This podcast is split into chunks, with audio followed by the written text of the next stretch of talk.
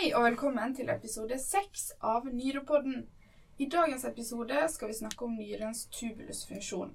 Tubulus er nyrens rørsystem, og det er her vi finner urinen. I løpet av ett døgn så danner nyrene ca. 180 liter filtrat, såkalt rå urin. Når filtratet strømmer gjennom tubulussystemet, så gjenvinner kroppen det meste av filtratet. Det skjer ved transport fra nyretubuli og over i de peritubulære kapillærer som omgir tubulussystemet. Og Denne prosessen kalles reabsorpsjon. På samme måte så kan substanser transporteres fra kapillærer til tubuli ved hjelp av sekresjon. Så normalt så blir det skilt ut 1,5 liter urin per døgn, til tross for at det blir filtrert 180 liter per døgn. Og med oss så har vi professor Olav Tenstad. Hei, hei, som alltid, ja. Ja. Eh, og hva vil du spørre meg om i dag? Nei, vi vet jo at tubulus det blir inndelt i en proksimal del, henlisløyfe og en distal del.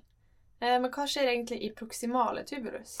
Ja, det som er Du sa jo det at det er som stor filtrasjon, sånn at i proksimale tubulus, der er det grovopptaket. Det er ikke noe regulering der. Der er det å ta opp eh, det grøvste av det som blir filtrert. Ca. to tredeler av det som blir filtrert, blir reabsorbert der.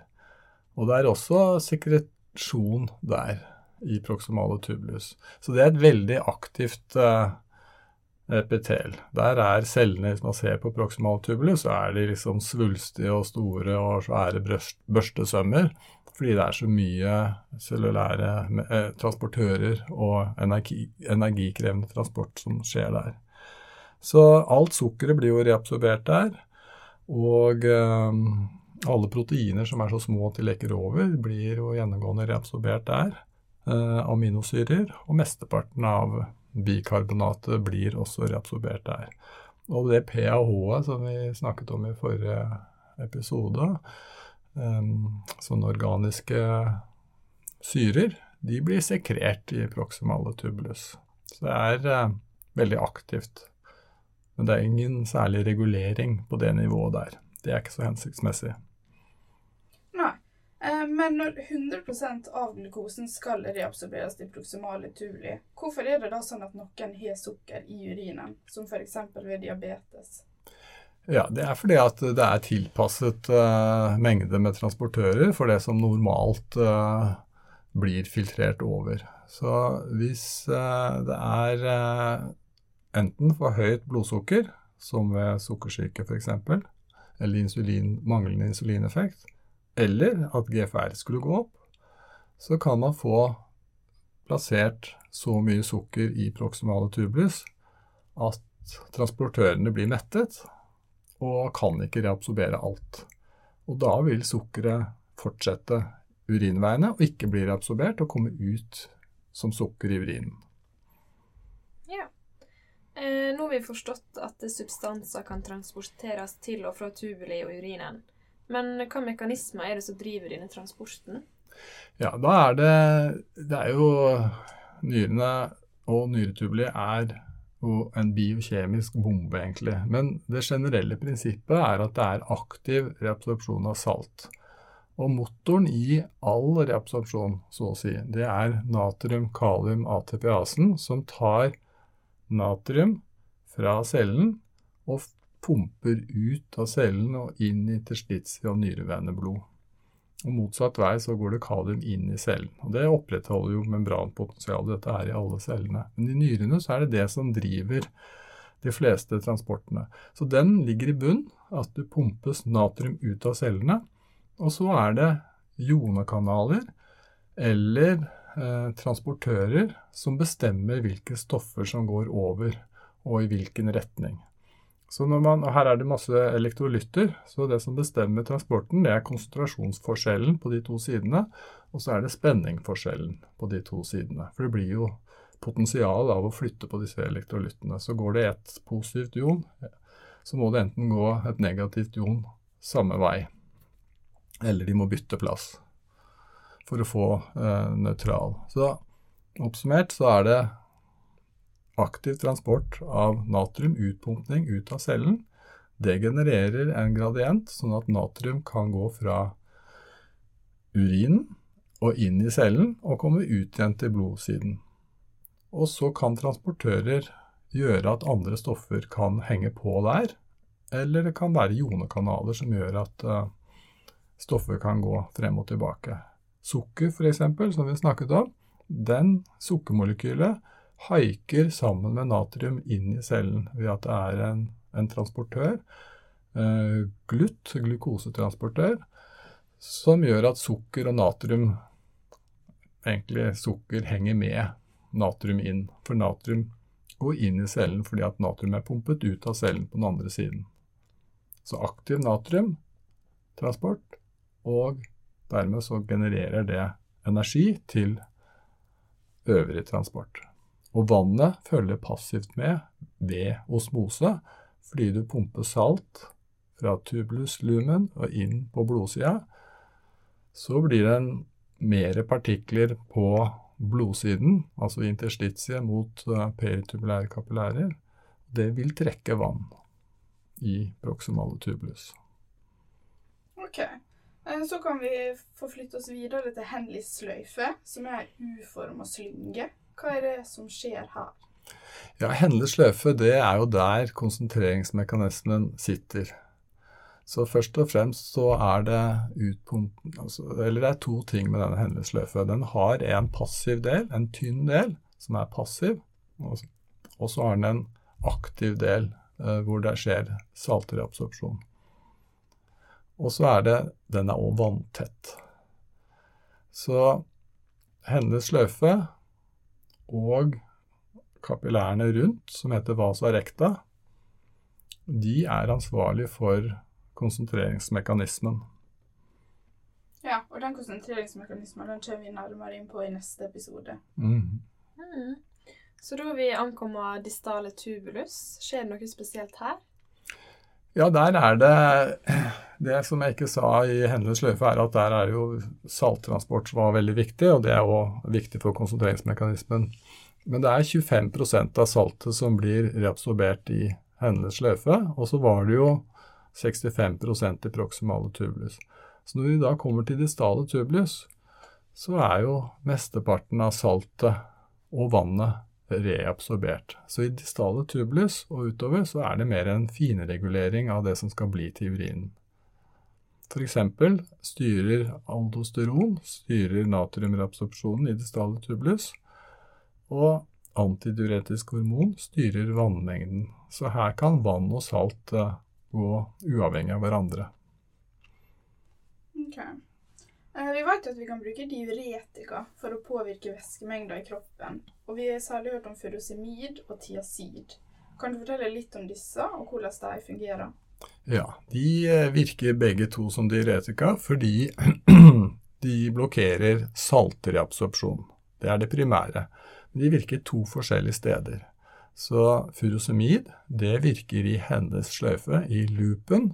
Og det var den jeg sa var så viktig for konsentreringsmekanismen. Og der er det mye natriumklorid som blir reabsorbert. Det er hele 25% av det som er filtrert. Så furosemid blokker natriumkloridtransportører. Egentlig natrium-kalium-2-klorid er det transportproteinet som blir blokket og det vil hindre opptil 25% av reabsorpsjonen av natriumklorid. Så da skjønner du at det er et veldig kraftig virkende diuretikum, fordi det virker der hvor det blir mye reabsorbert mm. salt. Derfor så kalles det loop diuretikum. Tiazid det er også et uh, natriuretikum fordi det blokkerer natriumklorid, men det virker et annet sted. Det virker i Distale tubulus. Og der er det ikke så mye. Der er det kanskje bare 5% av natriumkloridet som blir reabsorbert, så det har mye mindre effekt. Men det virker på, også det på transportprotein av natrium og klorid, som ikke da kan komme inn i cellen i, nei, i distale tubulus. Så det virker egentlig på transportører nokså lik effekt, men to forskjellige steder virker på hvert sitt transportprotein. Det ene transportproteinet frakter mye, og det andre mye mindre. Mm. Hvor tid er det egentlig vi bruker diuretika, da? Ja, eh, hva tror dere? Hva kan være grunner til å ta diuretika? det er eh, f.eks. hvis man har ødemer, for mye ekstrasolær væske i kroppen, så vil jo det være lurt å få ut mer natriumklorid gjennom urinen. Da kan man gi diuretika. Hvis det haster, f.eks. man har lungeødem, har altfor mye og, begynner å drukne i sin egen ekstrasolære væske ved at det flyter væske over inn i alvolene, det som heter lungeødem, da, da haster det. Så da kan man gi furosemid for å få ut natriumklorid. Furosemid har også en sånn litt virkning på karene, så det utvider karene litt. Så det har en umiddelbar effekt også for å eh, hindre eh, hjertet i å pumpe så mye blod ut. Eh, det har en liksom oppmagasinerende effekt på venesiden. Så de to effektene med furosemid gjør at det er egnet i en sånn akutt situasjon. Og ved lungeødem så gir man jo også morfin for å dempe den angsten, og nitro, nitrater for å utvide venesiden for å hindre eh, hjertet i å pumpe så mye ut i lungene. Men det var jo litt eh, digresjon. Eh, Tiazid brukes veldig ofte som en standardbehandling i blodtrykksbehandling for å senke blodtrykket. Mm. Og kan dere tenke dere hvordan blodtrykket senkes ved å gi tiazid? Ja, det vil jo eh, redusere ekstracellulærvolumet. Ja. Og vi vet jo at eh, ligninga for blodtrykk, det er jo cardiac, cardiac output ganger total perifer motstand. Så hvis eh, cardiac output går ned, så vil jo også blodtrykket gå ned. Ja, man minsker ekstrasolærvolumet og minsker tilbakestrømmingen til hjertet, og dermed så er det en mekanisme for å senke blodtrykket. Og det kan jo òg være at det har en virkning på perifer motstand også. Det vil jo òg eh, kunne bidra. Mm. Så um, det er de vanlige bruksområdene. Høyt blodtrykk, hjertesvikt, eh, ødemer. Ja. Skal vi prøve oss på en kort oppsummering, da? Mm -hmm. I proksimale tubulus så skjer det altså grov reabsorpsjonen, og 65% av alt vann og salt som filtreres, det blir reabsorbert her. Det er natrium som driver reabsorpsjonen gjennom natrium-kalium-ATPasen, og vannet det følger passivt med. I den nedadgående delen av Henleys sløyfe så er det passiv reabsorpsjon av 20% vann. I den tjukke oppadgående delen så er det en stor aktiv reabsorpsjon av salt, som drives gjennom natrium-kalium-2-klor-saltpumpene. Og dette segmentet det er det som er følsomt for furosemid. Den oppadgående delen av Henleys-sløyfe er vanntett, så når du fjerner salt, så blir urinen ved utgangen av Henleys sløyfe hyposmotisk, og det er utgangspunktet for at vi kan skille ut fortynna urin. I distale tubuli så reabsorberes 5% av natriumklorid, og det er her tiazidiuretika virker. Her er altså kvantitativt sett lite reabsorpsjon, men likevel så skjer det en viktig regulering av saltutskillelsen her. Det var en god oppsummering. Det var det. Og det er mye å tenke på her. Og her må man være litt selektiv, rett og slett. Det er vanskelig å lære seg alle disse pumpene som finnes der, så man må liksom ta det viktigste. Og det har vi snakket om nå. Så da kan jeg jo stille noen spørsmål. Eh, vi kan jo ha en liten eksamen da, for å se om, dette her er, om dere har skjønt det. Ja. Da tar vi ut noen ting. Eh, dette med hyperglykemi, f.eks. Eh, ved insulin, manglende insulineffekt. Hvordan vil det, Hva slags effekt vil det få på nyren?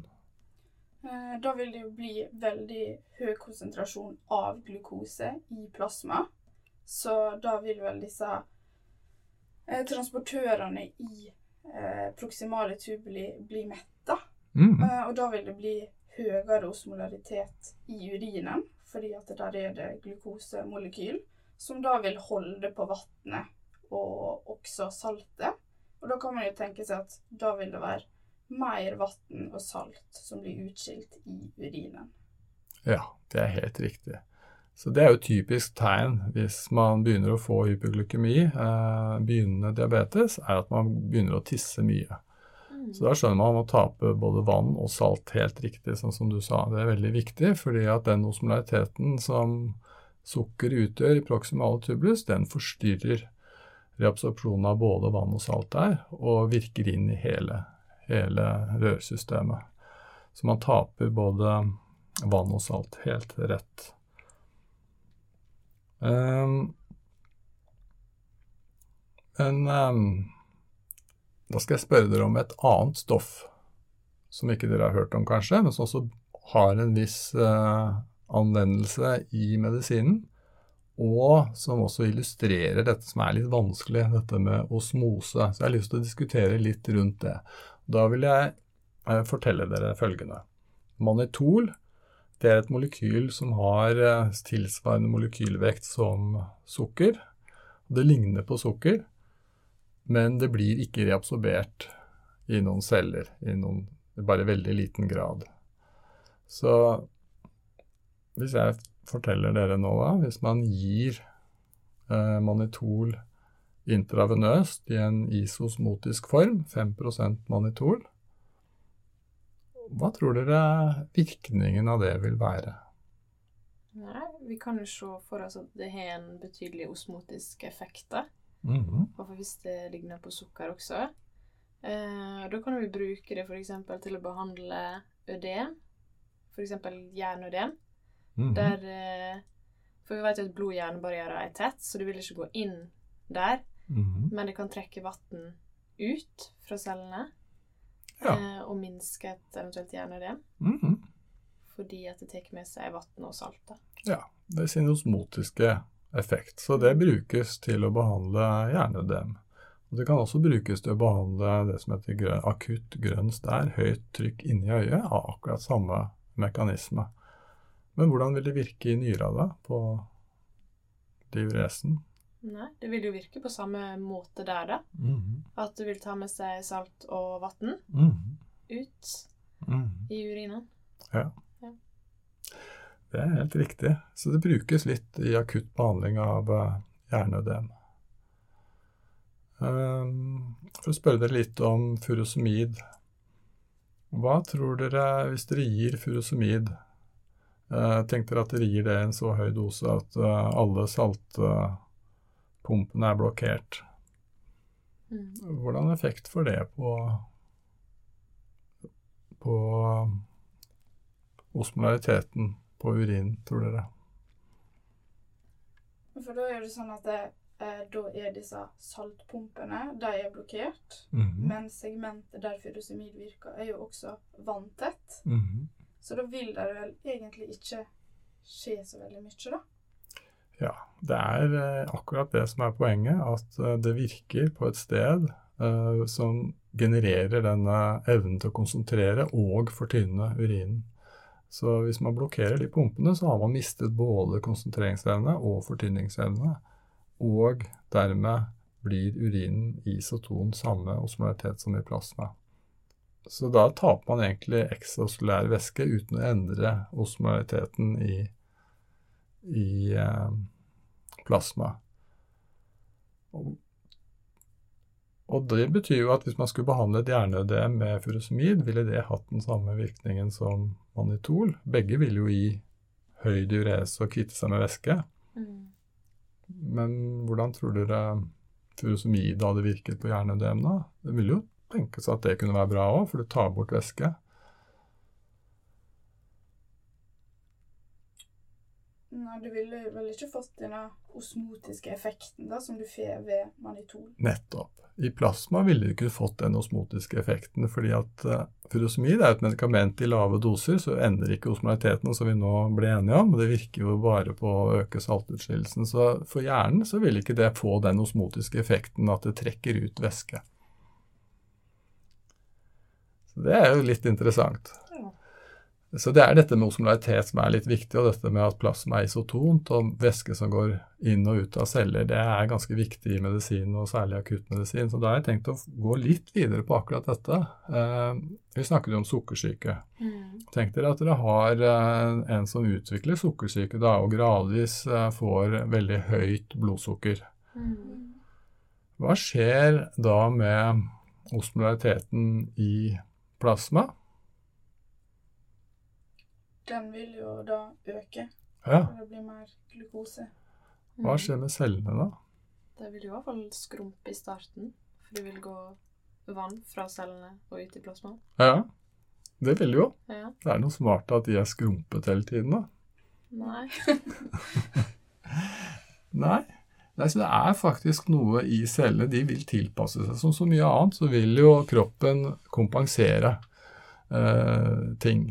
Og i dette tilfellet så er det jo, som dere sier, en høy osmolaritet i plasma forårsaket av det høye blodsukkeret. Over tid så vil jo cellene og hjernecellene lage sine egne osmolytter som øker osmolariteten inni cellene, sånn at, de, sånn at det blir balanse, sånn at cellevolumet holdes konstant. For det er litt viktig at cellevolumet ikke verken går opp eller ned. Mm.